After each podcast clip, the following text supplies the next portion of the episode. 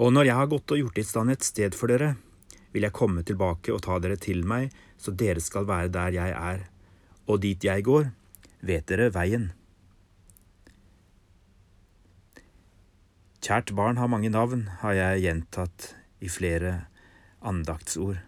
Og så har jeg begynt å legge et puslespill av noen av de mange navn Bibelen bruker på han vi oftest kaller Jesus.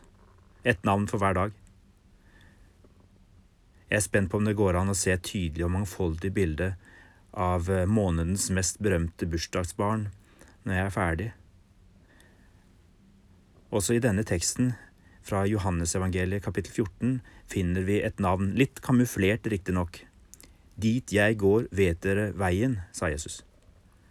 Problemet var at hans nærmeste venner egentlig forsto lite av hvor Jesus hadde tenkt seg. Veien de hadde foran seg, var innhyllet i tåke på dette tidspunktet. Ikke en ukjent erfaring for de fleste av oss.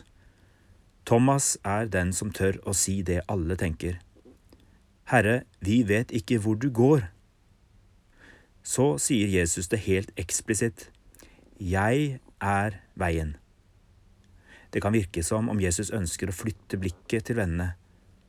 Dere behøver ikke å vite alt om fremtiden og veien dere har foran dere, så lenge dere kjenner meg. For selv om jeg blir borte for en stund, kommer jeg tilbake. Det viktigste dere kan gjøre, er å stole på meg. Jeg finner dyp mening i dette gåtefulle navnet. Når jeg kjenner Han som kaller seg Veien, da er det mindre farlig om jeg ikke ser så langt fram. Jeg behøver ikke alle detaljer om min framtid. Jesus er i den allerede. Han kommer derfra for å hente oss.